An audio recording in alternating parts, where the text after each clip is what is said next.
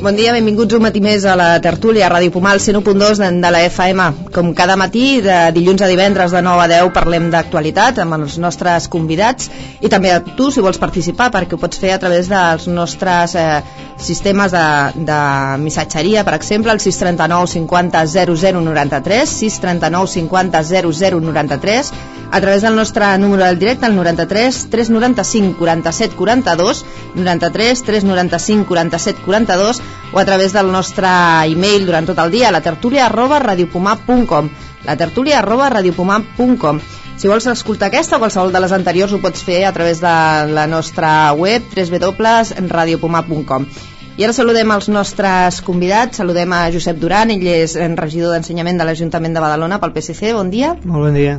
I saludem a Francesc Duran, ell és membre del Consell Local de la Joventut d'aquí de Badalona, bon dia. Hola, bon dia. Uh, comencem amb temes generals. Bueno, excusem al senyor Esteve García Osorio que s'ha posat malalt i no podia, no podia assistir. Um, comencem amb temes uh, d'actualitat però generals. Uh, i un dels titulars que sortia aquest matí a, als diaris era precisament que Montilla uh, pressionava a CiU abans de, de la cimera per arribar a acords en la lluita contra la crisi. El divendres s'ha de celebrar una, una reunió entre el govern, els sindicats, eh, buscar una mesura per eh, arribar a un pacte anticrisi aquí a, a Catalunya. Eh, sabem que demà, a més, eh, la setmana passada doncs, coneixíem dades de que precisament Cata eh, Catalunya, juntament amb Aragó, eren les eh, dues eh, comunitats amb, amb un índex més elevat d'atur, que havia progressat amb més... Eh, eh, més ràpidament en els últims mesos que la resta de, de les comunitats i que a més el tipus d'indústria que teníem aquí i tal doncs, havia afectat bastant tant, tant Aragó com a, com a Catalunya eh, precisament aquest eh, pacte que, que es vol arribar i aquestes mesures que es volen arribar el divendres eh, ens haurien d'ajudar una mica a aixecar cap i precisament d'això doncs, volíem parlar avui d'aquesta aquest, eh, cimera que s'ha de celebrar el divendres si creieu que arribarem a algun pacte si realment podem fer alguna cosa perquè com deia Montilla CiU precisament és un dels partits que no necessita masses ajudes per poder eh, votar i, i arribar a segons quins, quins pactes. Josep, comences tu? Sí, a veure, jo crec que estem una mica en el, en el debat de fa 15 dies, perquè uh -huh. ja vam parlar de la concertació i que CiU havia fet, havia fet una proposta al govern de l'Estat i no l'havia fet a Catalunya, no? Uh, i en, aqu en aquell moment ja el president Montilla anava dient que el que es fa a Madrid també es podria repetir aquí, no? Per tant, hem de veure si tothom es posa seriós o si les, la proximitat de les eleccions autonòmiques que són al novembre fa que realment aquest, aquest pacte que és fonamental per, per Catalunya es pugui tirar endavant no? esperem a la, a la cimera de, de divendres i crec que el que fa el president Montilla i el que hauria de fer també la societat civil és eh, pressionar els partits perquè mirin més enllà dels nostres interessos, dic nostres, els nostres interessos eh, electorals i que mirem en aquest moment eh, doncs la possibilitat d'arribar d'arribar a acords independentment de que les eleccions ja vindran i ja s'haurà de fer campanya però ara és el moment de, de treballar i és el moment d'arribar a aquest acord si les forces polítiques doncs, ho volen no? jo crec que la societat hauria d'apretar perquè perquè tots els partits es posessin a treballar eh, amb el tema de la crisi, ja dic que les eleccions ja vindran. Mhm. -huh. Francesc? Jo estic d'acord amb el plantejament, però crec que serà difícil, no? Bé, crec que estem sempre instaurats, o almenys el, el que arriba a la ciutadania, mm, el que ens arriba és que des dels partits es mira molt pels interessos dels partits i per les eleccions i després, bueno, l'acció de govern evidentment que és important però clar, fer-li un favor a rival polític mm, donar-li un cop de mà a mi no, no entra dintre la normalitat crec jo, eh? com es veu des de, des de fora no? perquè si això després et suposa doncs potser perdre unes eleccions home, doncs tu, tu penses dues vegades llavors crec que es basa més en, en fer declaracions en dir-li, escolta, m'has de donar un cop de mà és pel bé del país, deixem-nos estar de partits però després des de l'altra banda, des de l'oposició el que no volen és ajudar el govern perquè ells volen ser el govern i més ara que falta pràcticament mig any no, per les eleccions llavors jo crec que és, bueno, és fer les declaracions en actes de caps de setmana bé, sempre ens trobem dilluns aquí no? sempre parlem més de declaracions que no de, de feina feta perquè és lo normal els dilluns però jo sóc bastant escèptic en que, en que els partits ara mateix els partits catalans mirin més pel, per sortir de la crisi o per ajudar-se mútuament que no per posicionar-se davant de les eleccions i més amb, tota, amb tots els nous partits, nous corrents que estan apareixent que evidentment fan que encara hagis de marcar més el territori, mm -hmm. ja ho veurem Josep? Sí, però precisament per això que dius jo crec que a Convergència li interessaria tornar a sortir com un, com un partit de govern ja fa dues legislatures que està a l'oposició i jo crec que el que fa Madrid precisament és això és a dir, nosaltres anem a estabilitzar eh, el govern i per tant per poder tirar endavant les mesures anticrisis nosaltres oferim un pacte i crec que aquí mm, acabarà sent així també eh? Vull dir, jo crec que, que Convergència que és un partit si dius no si estem parlant de, de, del Rivera i companyia de,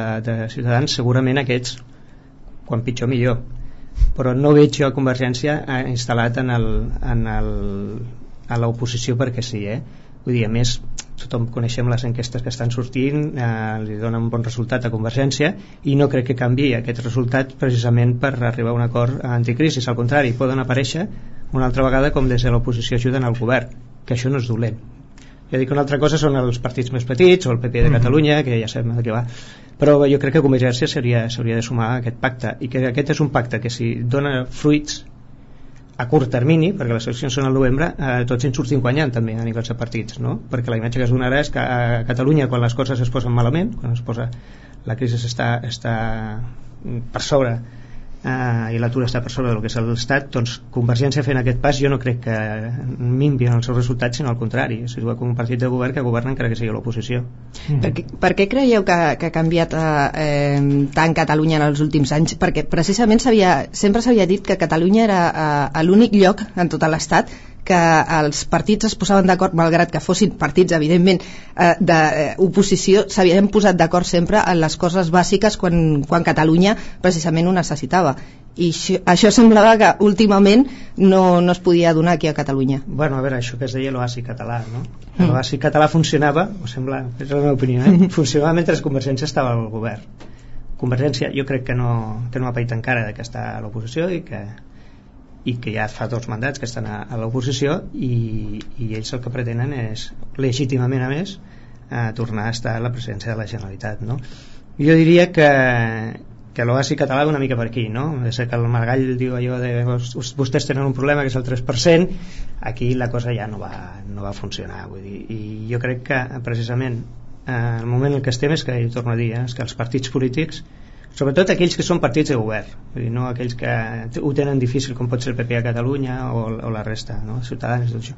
però el, els partits de govern que en un moment estan al govern i en l'altre poden estar a l'oposició doncs l'important és que, és que facin propostes que puguin ser assumides també, també ho dic que el senyor Mas està fent unes propostes absolutament liberals i que als socialistes serà difícil acceptar-les no?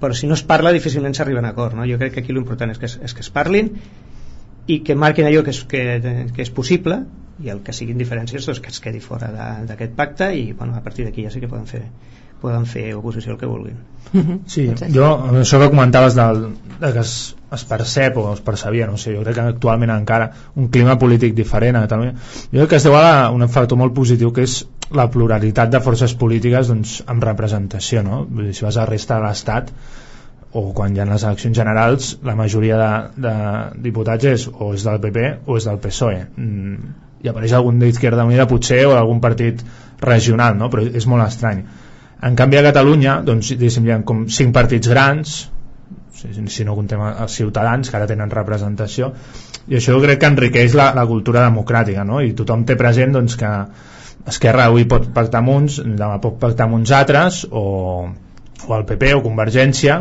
i no passa res. Vull dir, passa que els que s'han quedat fora del govern s'enfaden però és, és, és lo normal. Llavors jo crec que això és una riquesa que tenim molt doncs de veure que al final és un joc on hi ha diferents actors i no es limita a, a un sistema de dos partits que jo crec que això empobreix bastant la democràcia. Pel final eh, et, et vas alternant. Ara tu, ara jo. Almenys jo és com ho veig. I que jo crec que a, a la resta de l'estat espanyol sí que hi ha aquesta tendència llavors aquí, bueno, no sé si es pot dir l'oasi català, però últimament està molt, molt mogut no? amb tots els temes de, des de el, està sec, bueno, té, està en crisi. Des del 3%, després tots el, els, els temes aquests que han anat sortint de corrupció que són puntuals però que també condicionen molt i ja veurem d'aquí a l'octubre a veure com, com avancem. Però bueno, jo no crec que estiguem gaire, gaire quasi, gaire més temps. I no creia que si CiU acaba pactant d'alguna manera per eh, mm, trobar aquesta, aquests pactes anticrisi eh, després eh, faran d'això un estàndard de, de, som els salvadors de Mira, el que fa ser Convergència particularment eh, no m'interessa massa en el sentit de que m'interessa sí que, que s'arribi un, acte, a un pacte d'anticrisis però que faci Convergència o faci Convergència. Mira, si, si dona acord que és positiu per Catalunya eh, els partits s'ho senten com a seu i per tant poden fer bandera. Bueno, Convergència farà bandera però els socialistes també eh, que ens tenim la presidència de la Generalitat. Això no és el que, el, el que m'amoïna a mi no, no és ben bé això eh? el que m'amoïna són que les receptes que es posin a sobre la taula siguin molt divergents no? Vull dir, mm, el senyor Mas les propostes que havia fet de contracte de contractacions i acomiadament i tot això doncs nosaltres no anem per aquí no? Mm, per tant hem de veure, jo crec que hem d'esperar que és important que la societat, ja ho he dit abans que la societat civil, civil a pressioni els partits polítics perquè hi ha una necessitat evident i a partir d'aquí doncs esperem que passa divendres i els dies posteriors no? Una altra notícia que també tenia que veure a Catalunya en aquest cas eh, parlava eh, de, de tot això el president del, del, Parlament, del Parlament, Ernest Bernac, que bueno, ens comentava en una, en una entrevista que se li feia al diari ACN eh, que dona com una alerta a la irresponsabilitat que podria tenir el Tribunal Constitucional dictant una sentència justament enmig de, de la campanya electoral. Després de tres anys i mig d'estar esperant aquesta, aquesta sentència, d'estar esperant que ens digui si realment eh, podem tenir ja com a eh, legal amb totes les eh, amb tots els tràmits que és l'últim que, que ens queda eh, el nostre estatut en aquest moment, clar, ens acostem, com deia abans el francès, gairebé a les eleccions. Es fal... Eh, estem al, al març i les eleccions seran octubre-novembre, amb la qual estem a sis mesos de, de les eleccions i pot arribar-hi aquesta sentència en qualsevol moment i ja anem dient des de fa molts mesos que, que ha d'arribar perquè no, no és normal que, que el Tribunal Constitucional encara trigui tant. I mm, això mm, segons Benac seria doncs, com, com comentava una irresponsabilitat perquè clar, això marcaria molt unes eleccions eh, en aquell moment eh, tant a favor com en contra de segons quins, quins partits perquè clar, estem parlant d'una un, o sigui de la llei que ens marcarà aquí a, a Catalunya i una llei que ha estat molt polèmica perquè sabem que ha estat el, el partit del PP al igual que eh, em sembla que va ser el defensor també que va presentar aquesta eh, diguem-ne aquesta mm, eh, o sigui, aquesta, aquest problema perdó, no em sortia recurs, aquest recurs contra, contra la, la legalitat del nostre estatut i ara mateix ens trobem doncs, això, que si hi ha una sentència desfavorable en contra de l'Estatut eh, que si la culpa de, de, dels partits que no sé què, que no han arribat a, a acords, que no han plantejat bé a l'Estatut, que no han defensat a l'Estatut a l'Estat espanyol, els que no... Que ens trobem en un, en un moment molt complicat, i ja dèiem, complicat amb el tema de la crisi i dels pactes, i a més complicat amb aquesta, amb aquesta sentència. Creieu que realment la tindrem abans o el Tribunal Constitucional es, es quedarà una mica d'allò de dir, bueno, no és el momento, ha estat el moment molt abans i no, i no ho han fet i si mm, arriba el moment si això afectarà eh, precisament a les eleccions. Home, jo crec que el primer que hem de pensar és que, eh, és que tothom té una mica de seny. Eh, si fa tres anys que estem esperant la sentència i resulta la sentència ha de sortir en plena campanya electoral que és ja, vull dir, vulguem o no vulguem ja precampanya doncs el panorama a Catalunya seria molt més complicat no? perquè tots els partits haurien de prendre posició respecte a la suposada eh? perquè no sabem què farà amb la suposada ara, mm, sentència que pugui interpretar articles a la contra i bueno, jo crec que això seria com una mena de, com una mena de bomba enmig de la campanya electoral no? i per tant estic d'acord amb l'Ernest Benac però en canvi sí que, sí que mm, m'agrada a poder reiterar sempre que el PP si, si l'Estatut està recorregut és pel PP i el defensor dels, dels ciutadans com més bé, bé has dit no? per tant mm, el PP en aquest sentit no sé quin, quin missatge portarà la campanya però està clar que l'Estatut de Catalunya ha recorregut i no ho ha fet el de València no, no ho ha fet el de, el de Andalusia no? per tant mm, el PP se li ha de recordar sempre jo crec que se li ha de recordar sempre eh, que estem aquí perquè ells han recorregut legítimament perquè pensen que hi ha articles que són inconstitucionals i ja dic jo, espero que la sentència no surti d'aquí al novembre i també, no només ho espero sinó que suposo que els membres del, del Constitucional tenen clar de la inoportunitat de treure una sentència a, a, fins que no hagi nou govern i hagin passat les eleccions ja no vindrà d'aquí, com tu deies no? després de 3 anys ja no ve de 6 mesos mm -hmm.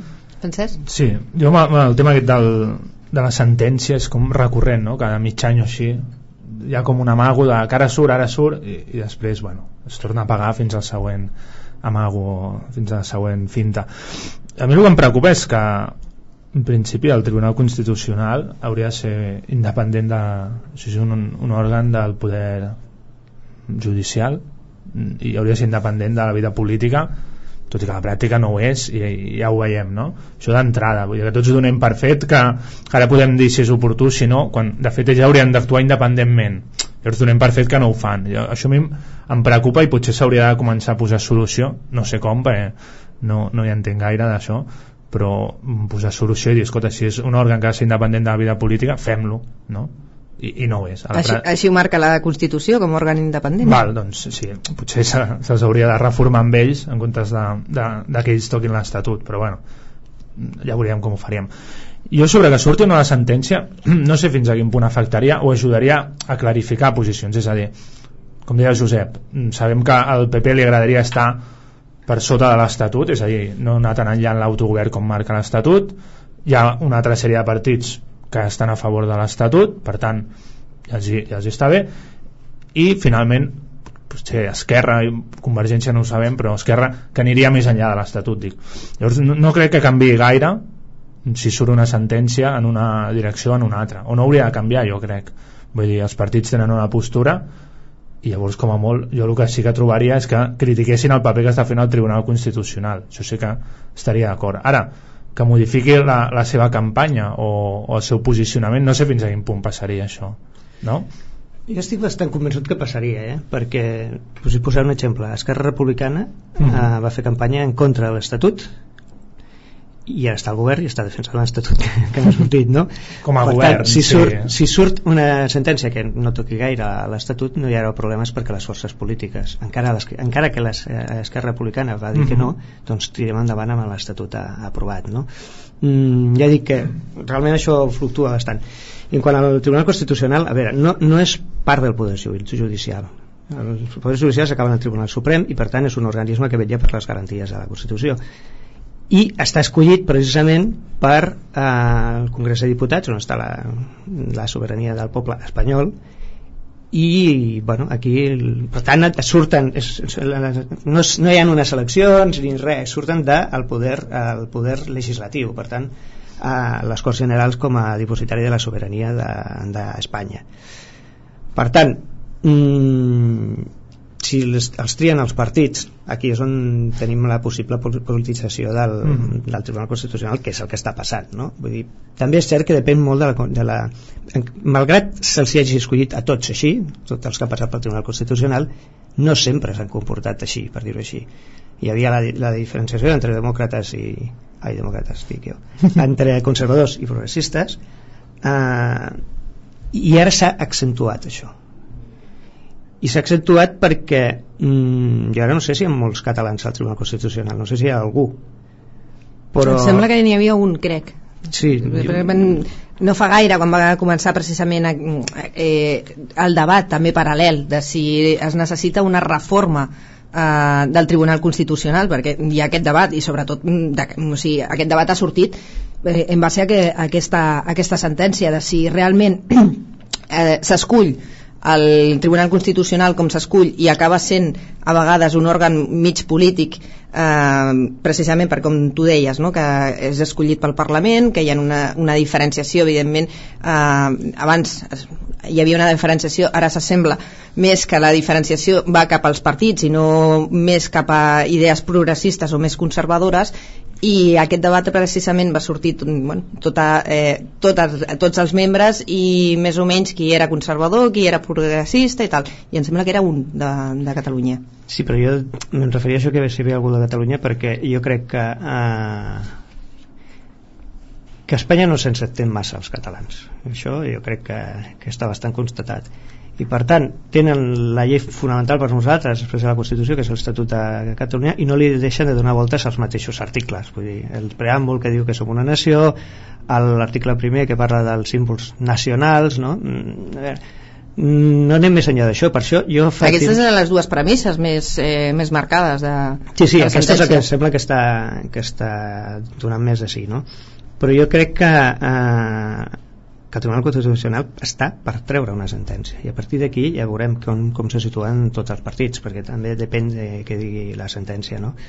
però ja dic que mm, el Tribunal Constitucional amb aquesta, amb aquesta bocada però jo així ha perdut més un llençols en el sentit de que el Tribunal Constitucional sempre s'ha escollit igual però si recordeu era un, un òrgan bastant eh, imparcial en aquest sentit no? Mm, i lleis que ha portat al Tribunal Constitucional un govern uns altres també han sortit mal parada no? per tant jo crec que el que s'ha perdut és el prestigi del Tribunal Constitucional que abans sí que ho tenia i podia sortir una sentència que no agradés però en tot cas mm, és allò d'acatar-la i que veure que tenien els seus renovaments no? jo crec que tot el temps que està passant el que està fent és que les majories aquestes entre conservadors i progressistes estiguin tot barrejat perquè un pot ser molt progressista però no entendre res de l'Espanya federal per, per exemple, no? vull dir, està en contra i, i jo crec que aquí el que està eh, el que està sobre la taula és el prestigi del Tribunal Constitucional independentment de la seva de com s'escull eh? vull dir, a mi em sembla que que, que els tri el, el, el Congrés de Diputats mm, i el Senat no, no, no fa cap mal, no, no ens fa més dependent del partit polític, perquè un cop estàs escollit estàs escollit i no se't pot revocar no? Per tant, mm, jo crec que el que està no és tant la figura del Tribunal Constitucional com està, com està prevista, que a mi ja em sembla, em sembla bé, eh, també és cert que la Constitució per triar membres del Tribunal Constitucional demana majories qualificades i bastant amples, vull dir que no només els dos partits importants es posen d'acord i tiren endavant, no? Per tant, jo dic que jo més de fer la crítica al Tribunal Constitucional, mm, jo dic que aquest prestigi l'han de recuperar i penso que l'Estatut d'Autonomia és un, de, és un de, dels problemes o de les sentències que marcarà realment si el Tribunal Constitucional queda devaluat o no. I, a veure, i el Tribunal Constitucional és un, és un òrgan molt important de l'Estat perquè totes les lleis poden estar revisades per ell, no? Per tant, ja dic, eh, jo espero que no surti en campanya, és així de clar, eh, perquè encara que toquessin un article o encara que toquessin el preàmbul mm, ja obligaria els partits a posicionar-se en, un, en un lloc com un altre no? i per tant si el clima ja és una mica enrarit imagineu si a sobre ens cau una sentència del Tribunal Constitucional torno a dir eh, que espero que tinguin seny i que la treguin cap a final d'any quan hagis passat la, les eleccions autonòmiques Uh, una altra notícia que bueno, escoltàvem aquest, eh, sobretot aquest cap de setmana ha estat aquesta polèmica entre, entre el país de Venezuela i, i l'Estat. Uh, bueno, L'última va ser, va ser ahir quan eh, bueno, eh, el, el, el titular d'Exteriors de, de, de Venezuela eh, va dir que el jutge que està o sigui, el, el jutge en aquest cas que Velasco, que és el magistrat eh, que, que parlàvem aquests dies, doncs precisament eh, el titular deia que el jutge està associat amb el pitjor del PP i amb els ultres. Aquestes declaracions les feia ahir i em sembla que a mitja, a mitja tarda, més o menys, en unes declaracions que feia a la televisió de, del seu país eh, Zapatero eh, anuncia que redoblarà també els esforços per perseguir, evidentment, els aterres que es puguin trobar a l'estranger, tant sigui a Venezuela com, com a qualsevol altre país, com estan fent en els últims casos i com han fet a França, han fet a, a Portugal o a qualsevol dels països on puguin estar eh, els aterres que, que bueno, estan reconeguts a part d'això, eh, aquesta, mm, sabem que aquest, aquest cap de setmana hem estat escoltant doncs, declaracions tant d'una banda com d'altra. Mm, van fer, al final, una declaració conjunta en la qual semblava que es deixava de banda aquest conflicte entre Venezuela i, i Espanya i en aquest cas tornem un altre cop, després de, de posar-se d'acord, a trobar un ministre que en aquest cas no sabem si eh, va per la seva banda o va eh, pues, eh, allò de dir, bueno, ha dit a l'Estat el que vulgui però després mm, podem afegir i en aquest cas eh, ha afegit i ha tornat a, a ficar llenya en el foc Josep. A veure, jo, parlant de Venezuela, un president que es, que es presenta a la, a la ONU, a l'Assemblea General, i diu aquí igual sufre, no? Ja es veu una mica el personatge que és, no? Vull dir, jo crec que és un personatge molt histriònic, que té problemes en el seu propi país, encara que té molts recursos, sobretot petrolífers, però que mm, bueno, jo crec que Venezuela no es mereix un president com a Chávez, evidentment, ell té el seu programa de televisió, a lo president, dir, juga amb aquesta, aquesta base eh, absolutament eh, populista, i per tant, mm, a veure, jo crec que si el govern d'Espanya diu que està col·laborant, encara que després sembla que s'hagi decidit i tot això, no? Però l'important no és el que es diu, com deia abans Francesc, sinó el que es fa i el que sembla cert és que la FARC, la guerrilla de la FARC i ETA estaven en contactes des de tal punt que sembla ser que ETA anava allà entre altres coses perquè li ensenyéssim com, eh, per com llançar missils no? jo crec que més enllà de les relacions entre estats no? que et pot agradar més o menys la persona que, que està tirant endavant el govern d'aquell país en aquest cas el Hugo Chávez a mi em sembla una persona nefasta eh, però que el que s'hi sembla és que el, el, el país Venezuela com a país i el govern de Venezuela han d'ajudar de coadjuvar al, al govern espanyol com estan fent els francesos o estan fent els portuguesos no? perquè i torno a dir ETA no és un moviment de, de liberació no ho és és, un, és una màquina de treure diners i de mantenir-se els mateixos no? Vull dir, perquè ni, ni tan sols plantegen ja l'alternativa a cas per tant, mm, el que s'ha de fer aquí és la persecució de l'ETA allà on sigui. I si estan a Venezuela, doncs està a Venezuela. I si s'ha de dir que el govern de, de Venezuela està col·laborant o està... Mm, doncs s'ha de dir. Vull dir. Per això estan els diplomàtics, per fer-ho bé, però jo crec que el missatge ha de ser clar s'ha de perseguir els membres d'ETA allà on siguin i per tant els estats el que haurien de fer és donar facilitats Vull dir. però bueno Chávez ja és una mica ja dic, és una mica histriònic i ja també li interessen aquests enemics externs per poder qüestionar una mica el, el, el, l'estat entorn d'ell no? Vull dir, per tant jo crec que s'està fent bé més enllà de les declaracions i les sortides de tot jo penso que el, el fons és important que els, els membres d'ETA doncs, tornin a Espanya per ser jutjats Uh -huh. Francesc? Jo no, no he acabat d'entendre la, la polèmica en si d'on ha sortit ni en què s'ha basat em, em sembla, si no m'equivoco si no que està, ha sortit del, del Poder Judicial que abans en parlàvem no? com que hi ha com sospites que potser a Venezuela ja bueno, s'han donat facilitats a gent d'ETA o de les FARC bueno, no, no ho sabem exactament no? I, i això jo crec que gràcies també a, a la premsa o als sectors que els interessa que hi hagi merda en Venezuela pues, s'ha com magnificat quan a, a, en principi no, no se sap res del cert, no hi ha fets no? hi ha només declaracions no? inclús doncs el dissabte em sembla que era feien una declaració conjunta als dos països dient pues, que es lluitava contra el terrorisme fos del tipus que fos i tal vull dir, que per mi és un tema com molt tancant no? però em sembla que, que hi ha sobretot els sectors més conservadors a Espanya que els agrada molt mm, ficar-se en Venezuela perquè clar, és, per ells jo crec que és com com no et diria el, sí, un exemple del que no ha de ser un govern no? algú que està parlant d'implantar el socialisme el Bolivar, la república bolivariana bueno, tot això a ells els, els hi fa mal a les orelles i per tant evidentment aquests sectors utilitzen qualsevol argument no? doncs per, per criticar-ho no? inclús si Hugo Chávez vol canviar la Constitució per no limitar a dos mandats per exemple doncs ja tens tots els titulars dient que es vol perpetuar el poder bueno, a Espanya no estan limitats els mandats i, i tothom s'autoreconeix com a demòcrata. Vull dir que també el tractament que dona la premsa d'aquests temes fa que et posiciones cap a una banda o cap a l'altra no? et diuen, clar, que té un programa de televisió i, i fa mm, populisme i, i autobombo. Sí, correctíssim, però bueno aquí les televisions públiques també constantment estem parlant de qui nos en fan el, el govern i potser no és tan descarat i és més subtil. Bueno, també tenim tot el tema de Catalunya Ràdio hi ha, hi ha molts temes i jo crec que, que és molt fàcil criticar Venezuela no?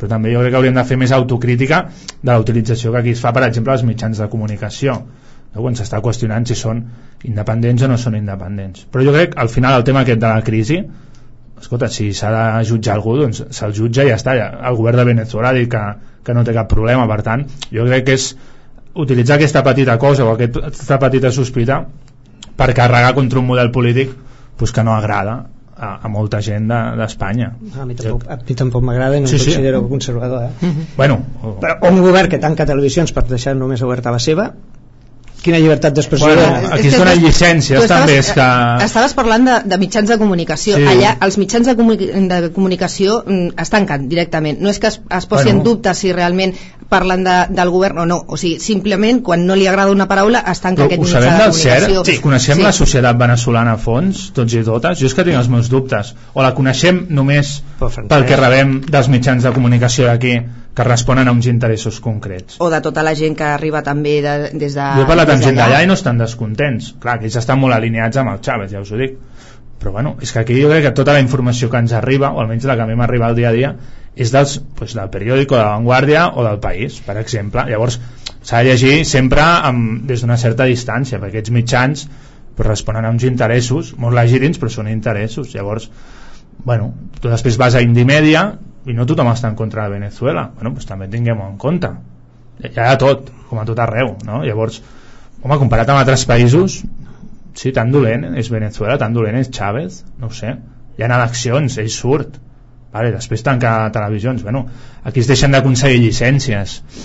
No sé. No, no parlem del mateix. No parlem del mateix, però, Ara. però tampoc som tan bons nosaltres. un govern no? Que a no? vegades... Sí, jo, jo, em sembla que sempre que parlem aquí no parlem que són bons precisament no? però a veure, el que sí que és cert és que el govern, l'Hugo Chávez va obligar les televisions a emetre el seu discurs de forma obligatòria I aquí no es fa, amb el discurs del rei. no, pues, el fan a totes les cadenes. sí, però a veure, entre nosaltres No una cosa és el discurs, una cosa és el discurs del, lle, del rei No, home. i una altra cosa és que l'oposició no pugui tenir canals de que em sembla que estem barrejant una mica els termes eh? vull dir, aquí hi ha la premsa que vulguis, t'agradarà més o menys. I responen segurament, eh, segurament a, a interessos econòmics i també, i també de recolzament als grups polítics Mm -hmm. I tant. i parlant de televisió pública em sembla que TV3 és la, la cadena de televisió que més canya li dona al govern, al tripartit però és que li dona constantment i continuen Bueno, emetent, iniciativa, perquè sobretot. Més que continuen, continuen emetent Sí, i home, així ha no. de ser. Vull dir, No no, que no es pot al mateix- justificar un no, no, règim que no tanca estem al mateix nivell No, però però- tampoc som tan bons que sembla que és com molt fàcil criticar els altres la països democràcia, és, no deia el Winston Churchill, és el sistema eh, menos malo. sí, correcte Per tant, mm, aquí el poder legislatiu no tanca televisions. En tot cas serà el judicial. Però és que allà, com que tot és un, i és un partit únic, doncs eh, anar donant-li canya a la, a la resistència doncs és molt fàcil. I tot i així intenten colar missatges crítics, no? Per tant, home, com una democràcia, allò jo no la reconec com una democràcia. I si no tingués, si no tingués el petroli que té, el senyor Hugo Chávez no pintaria res. bueno, I si volem arreglar els temes amb, amb Venezuela és perquè nostres empreses estan treballant en allà. mm -hmm. I quantes vegades ha dit el Hugo Chávez que ens, va, que ens, ens les farà fora? Clar. Vull dir, el, a la Venezuela tots els, els poders recauen en una única persona, que és el senyor Hugo Chávez, i això té una paraula, no? però aquesta persona ha passat per unes eleccions o no? És també Hitler. És que això no és un argument. No, no, però no, no, no fem demagogia tampoc No, home, en aquest que nivell, no estem comparant Les eleccions no pot, no pot esborrar-ho tot. No, però Vull dir- estem d'acord que ha passat per unes eleccions, sí. Bueno, que seran imperfectes sense mitjans de comunicació en contra, val. Això ho podem parlar. Però bueno, ha passat per unes eleccions. Sí. Bueno, doncs, comencem per aquí. Val? Quan hi hagi unes altres eleccions, hi haurà altres alternatives Bueno, només això. i, i ja veurem el que passa. Bueno, ja veurem si hi ha unes altres eleccions. De Que el moment, sí. problema és que, que arriba, el que arriba per, una, per unes eleccions i canvia totes les lleis per poder-se... No, per tornar-se a poder-se- presentar, eh? Per poder-se quedar, que no és ben bé el mateix. Perquè Però, quines escolta- eleccions es poden celebrar si l'única veu que surt al, a les ondes o al carrer és la del senyor Hugo Chávez? Quin, quin, quina democràcia? Que no es poden contrastar les idees. Aquí les úniques veus que surten són les dels partits majoritaris. Això no és cert. Sí, home, això, és Això cert, sí que és no cert. és cert. Si no, no, no, es parla, no sé si volia parlar, no parlaríem de la mani al, al, a l'Ebre vull dir, a veure, Però això- passa no una cosa, t'agradarà més o menys la notícia t'agradarà No. més o menys la notícia però la notícia es publica i tu dius, bueno, Bueno, hi ha, però li hi ha uns diaris que potser li estan... dediquen menys, menys tros, no és la Ah, portada. però- Hi ha, hi ha molts criteris aquí. Sí, però en tot cas són criteris empresarial i de, i de marca política, allà, Sí, i de marca de, de rotatiu, i una afinitat política també. Però tens tots els colors, per dir-ho així, de, de l'àmbit parlamentari que parlen De l'àmbit parlamentari, sí. Clar, però hi ha, hi ha vida més enllà de, de l'àmbit parlamentari, hi ha molts col·lectius, hi ha molta gent fent coses i no tenen espai als mitjans de comunicació de masses. I tant que tenen espai. Tenen molt poc espai. Per exemple, el que es fa en campanya electoral de, de signar minuts en funció de la representació que tinguis, que tots els periodistes a cada campanya es queixen d'això i això segueix sent així pues, això no, no hauria de ser o sigui, no pot ser que perquè tu tens més pes en un govern quan fas campanya apareixes més als mitjans això jo crec que també és més recolzament és que tu estàs allà no per tenir el govern bueno, però tu has de sortir als mitjans per les propostes que fas per lo que dius per, sí. per lo que fas, no, no perquè tinguis més representació Bueno, Home, és un criteri que els periodistes critiquen sempre. Això, jo no soc periodista. Això, eh? això ha de comptar, vull dir, a veure... Uh... Ha de comptar, però no ho ha de, de, de, de determinar, no? Perquè si no, els, els pobres, diguéssim, jo no m'imagino, jo sé, els ciutadans, que quan parlin d'ells parlaran dos segons, si va en funció de la representació que tenen. I potser un dia no surten perquè no han fet cap acte però potser un altre han fet unes bones propostes i es mereixen mig minut. Sí, pues no pot ser això. el que estàs parlant és de l'organització de la campanya electoral. Ah, sí, jo clar, estic parlant és que és molt important eh? sí, sí, però jo estic parlant d'una cosa molt més profunda. Sí. estic parlant d'un règim no? de, que, tanca les, que tanca els diaris que tenen notícies que no sí, li bé però... que, ah, però, que no podem homologar nosaltres a, a no, però, però tampoc som tan bons, jo insisteixo. Però si jo t'estic dient que sí és que com dir, no, és que ella es vol perpetuar en el poder. Bueno, aquí no hi ha no hi ha límit de mandat i ningú parla de que Jordi Pujol ningú el criticava perquè es volgués perpetuar el poder o Felipe González i van fer un mandat rere l'altre. Sí, però, però sortien d'eleccions. Clar, i Hugo Chávez també surt d'eleccions. Bueno, tenim-ho sí. clar. Tenim-ho clar, no. Bueno, jo, de moment ha sortit d'eleccions les eleccions poden ser de veritat o de passo cap a la moli Bueno, però... Val? I jo crec que com a mínim les del nostre país eh, ens agradi o no ens agradi la llei electoral eh? perquè tothom sap que, uh mhm. -huh.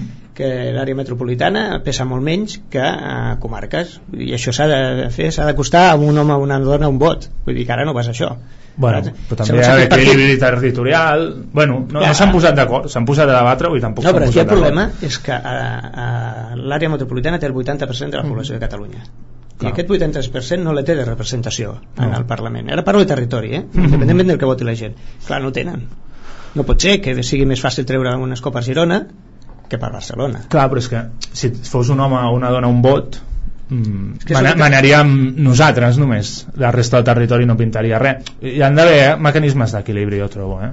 perquè és que si no els de la Vall d'Aran, pobres bueno, els de tot el Pirineu en general donaria igual si no féssim res al govern no, perquè el tema és que sempre tindrà uns, uns escons mínims sí, val? però a partir d'aquí doncs el que puguin treure bueno, però, clar, però... si resulta que és més, molt més difícil treure un diputat a Badalona sí que els que voten que, que, que tot a Girona per dir-ho així o a Lleida home, mm -hmm. una mica bèstia no? en el que estem parlant a mi em sembla que el, el sistema electoral s'ha de tocar ja ho vam parlar un dia aquí mm -hmm. bueno, però a tu t'ho sembla bé perquè el teu partit té més pes a l'àrea metropolitana no, que la resta del territori. no, no i els que és al revés no els hi sembla clar, això. Eh? però no és una qüestió lògica que si el 80% de població de Catalunya està a l'àrea metropolitana el seu vot com a mínim valgui el mateix que els altres? No, el mateix no. Ha de valer menys perquè si ah, no desequilibrem el territori sí, sí. no, depèn del repartiment d'escons que facis al començament. eh, no, però si ara... li dones, per exemple eh, ara fa molt de temps que no miro la legislació però si li dones dos eh, diputats a Lleida com a territori ja tenen garantit una representació. A partir d'aquí els partits polítics hauran de fer per, per, per, per pujar aquests dos no? clar, clar. Mm, però el que és un contrasentit és que el 80% i torno a dir, estiguem a, estiguem a l'àrea metropolitana i els nostres vots ha de, ha de valdre menys. Vull dir, no, no és un sistema precisament proporcional. No, no, no és proporcional però tampoc pot ser una persona un vot jo crec. S'ha d'equilibrar amb el territori buscant mecanismes jo crec que s'ha de costar al màxim a una persona un vot jo crec que no, ara mateix no perquè hi ha sí, molta gent concentrada en una àrea llavors, I? no, home, pues que tindríem molt més pes eh? eh? clar, i tant, que ho som el que diguem d'equilibri és depèn de quants escons s'hagi de triar per, uh, per circunscripció electoral però... però que ens hem d'acostar a un home o una dona un vot és, jo tinc claríssim jo no ho I tinc tan clar difícil, eh? i és que és molt difícil a més eh? Vull dir, perquè tots els sistemes són imperfectes com tu dius no? el sistema proporcional té un problema que és la llei d'on que el, els grans el, els prima uh. -huh. i el sistema que seria l'altre que és el de vot ponderat uh -huh. que guanya, encara que sigui per un vot s'ho queda tot tampoc, hem de posar no, no, tampoc, tampoc és hem de posar això és el que passa a Anglaterra no? per això només hi ha dos partits no, el que passa no? als Estats Units tampoc és un sistema estigui d'acord però el, el, sistema majoritari és encara que tu treguis un, punt, un vot per sobre de l'altre tu quedes tot no, no, això, clar, aquest està clar que no, com que no. i la proporcionalitat sempre és difícil de trobar-la però jo dic que ens hem d'acostar i és el que crec que ens hem d'acostar a una persona a una persona un vot jo crec que no, que, no, que hi ha d'haver equilibri territorial d'alguna si manera. Si dient que no hi hagi equilibri territorial, això dependrà dels escons que tu, que tu els hi dones a cada província. Val, pues Però a l'hora d'anar a votar, sí. home, els vots han de valdre igual. No sé. Jo, jo ho tinc claríssim. Bueno, sí, sí. Ho tinc claríssim. El que passa és que s'ha de regular el procés, i això estic d'acord amb tu. Però ara no s'han posat... Ara hi ha hagut una comissió per reformar la llei electoral Home, però i no s'han posat d'acord. Evidentment, perquè estem a prop de les eleccions autonòmiques, ja dic, deixem, deixem aquesta No, perquè però- no ens posarem... d'acord. Ara, Però ara, jo crec que d'aquí un any tampoc es posaran d'acord, eh? Crec. crec- jo crec que sí. Estarem igual que ara. Mm. Tothom mira, el partit mira per su, o sigui, pels seus interessos. Escolta, jo surto més ara m'ho invento, eh? A Tarragona, donem-li més pes a Tarragona, exagerant. Clar, I tothom vol, tothom fa la llei electoral tenint a la mà els resultats d'on Sí, treu ell però més. si tu treus- Llavors si- aquí mai ens posarem d'acord, o jo sigui, si tu tens clar, això de, que ja veig que no, eh? que una persona, un vot, és igual on estigui aquesta persona. Ja, però és que el, no tenim un I país tu has equilibrat el territori, i tu has equilibrat el territori eh, per assignació d'escons. Vale? Bueno, però ara no es fa, no hi ha assignació d'escons ara. Sí, sí que n'hi ha. Bueno. el problema és que, és, és que està desequilibrat cap a la Bueno, banda de bueno, comarques, per dir-ho exacte. així, no? I s'hauria d'equilibrar, i en, en això tots els partits estan d'acord, eh? Bueno, Però el tema, contra- el contrasentit de que un guanyi en vots, però després no guanya en escons, perquè la llei d'on fa aquest canvi, no? La primera vegada que el Maragall es va presentar per president de la Generalitat, van guanyar, es fa parlar de memòria, eh? Van guanyar amb vots, Sí, però no amb escons. I la segona vegada, ja amb el, amb el Montilla, ha passat exactament el mateix. Vull dir, Ahà. mm, no es tradueixen els vots amb els escons. És un problema. Bueno, el que treu més escons és el que el seu vot està homogèniament repartit pel territori. Jo tampoc ho veig malament, eh, d'entrada. Ta- També és un bon criteri. Escolta'm, tota, tots els teus vots no es concentren només un 10% de territori, sinó que estan més que no repartits. està- També sí. és important això, Josep, no és només No, on no- està la gent, sinó Que és- quanta gent hi ha a cada territori. Jo crec Home, però que hem no d'equilibrar els dos. els seus vots. Eh? El que no pot ser és que valguin menys el seu vot. Bueno, Jo dic que hi ha una assignació de- d'escons directament amb el qual aquestes, aquestes comarques, no tinc res, em sembla que sigui aquí a tocar comarques, no, no, jo el que dic és que ja tenen una representació garantida pel número d'escons que trien uh -huh. i després el que s'ha de costar és tot el mateix, és que quan més a prop d'una persona un vot eh, més equilibrats eh, sortiran les coses Sí, però llavors tu t'imagines, llavors la campanya es faria només a l'àrea metropolitana, per exemple. però no, perquè tens altres escons que t'estàs que estat jugant a Girona, a Lleida per però la majoria, com que hi ha més gent, ja, però és la realitat clar, tu no però... vols dir, com que la, la, la realitat és aquesta i no m'agrada pues que un vot, de, No, no. Un, un vot nostre que estem aquí pues valgui una ni tercera m'agrada part. ni no m'agrada, és la realitat, Pot ser, oh. però si estem mal repartits dintre del territori, però no estarem mal repartits els vots torno a dir, estarem mal bueno, repartits bueno, els escons si no s'han posat d'acord els de la comissió, no, no ens posarem d'acord. bueno, és que era molt difícil eh? Eh, Aquí, sí, clar. aquí havíem discutit precisament aquesta, aquesta llei electoral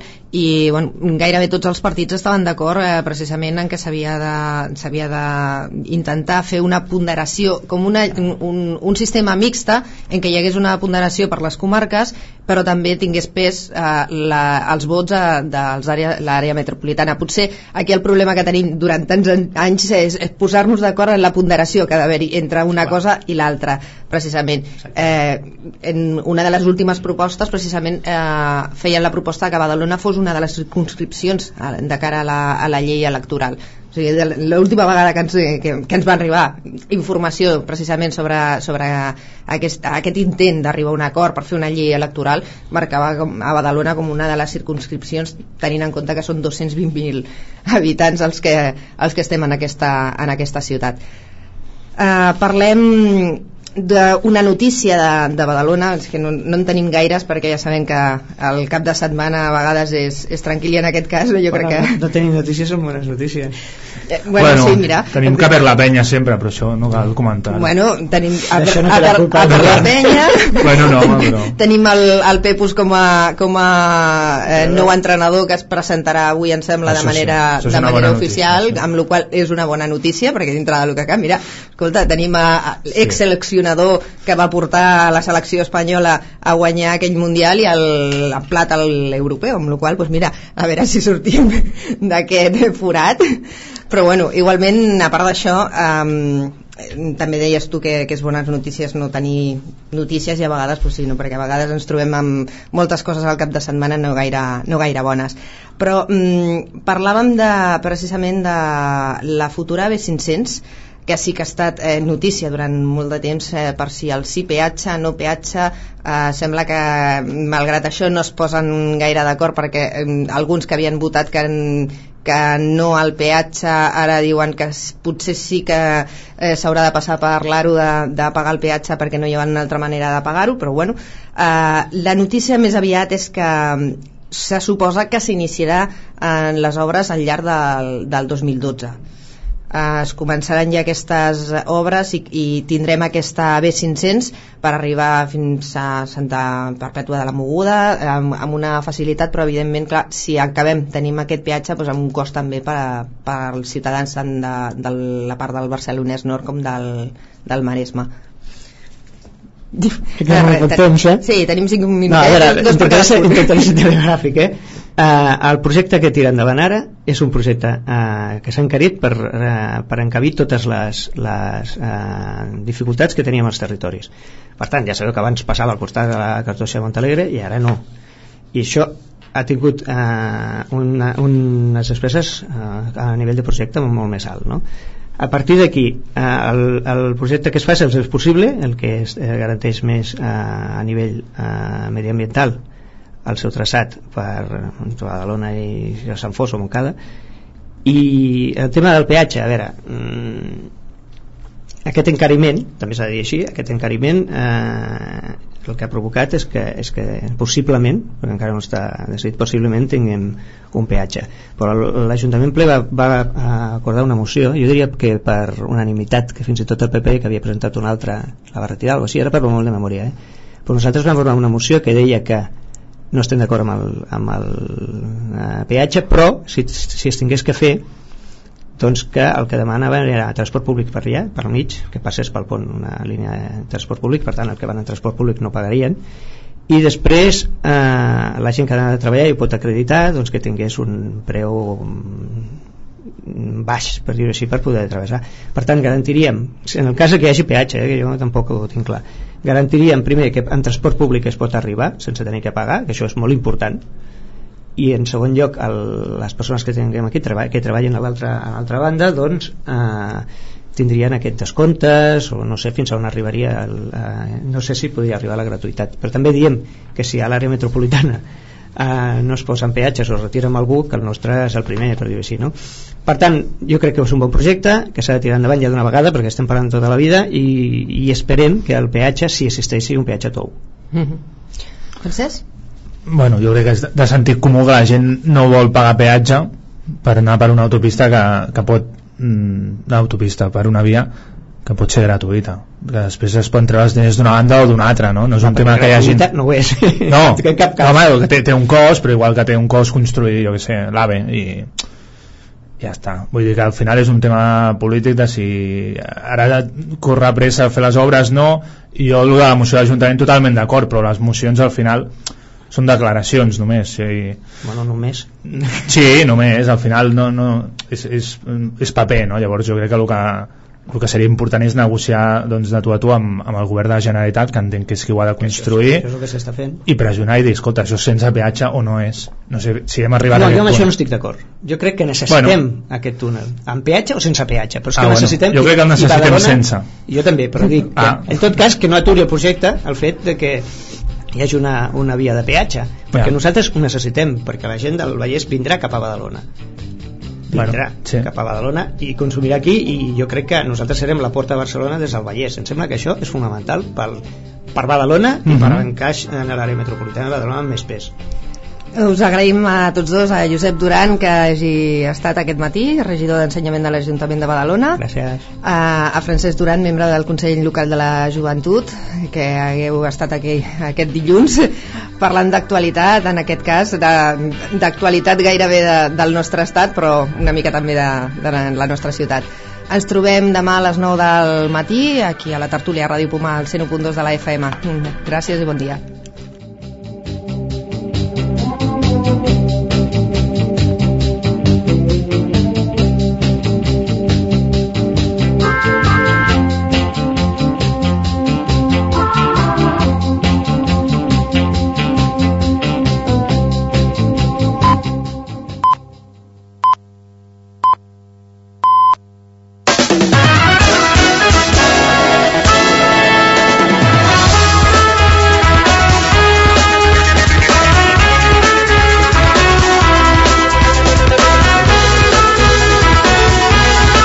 Catalunya Informació. Bon dia, són les 10 del matí a Barcelona.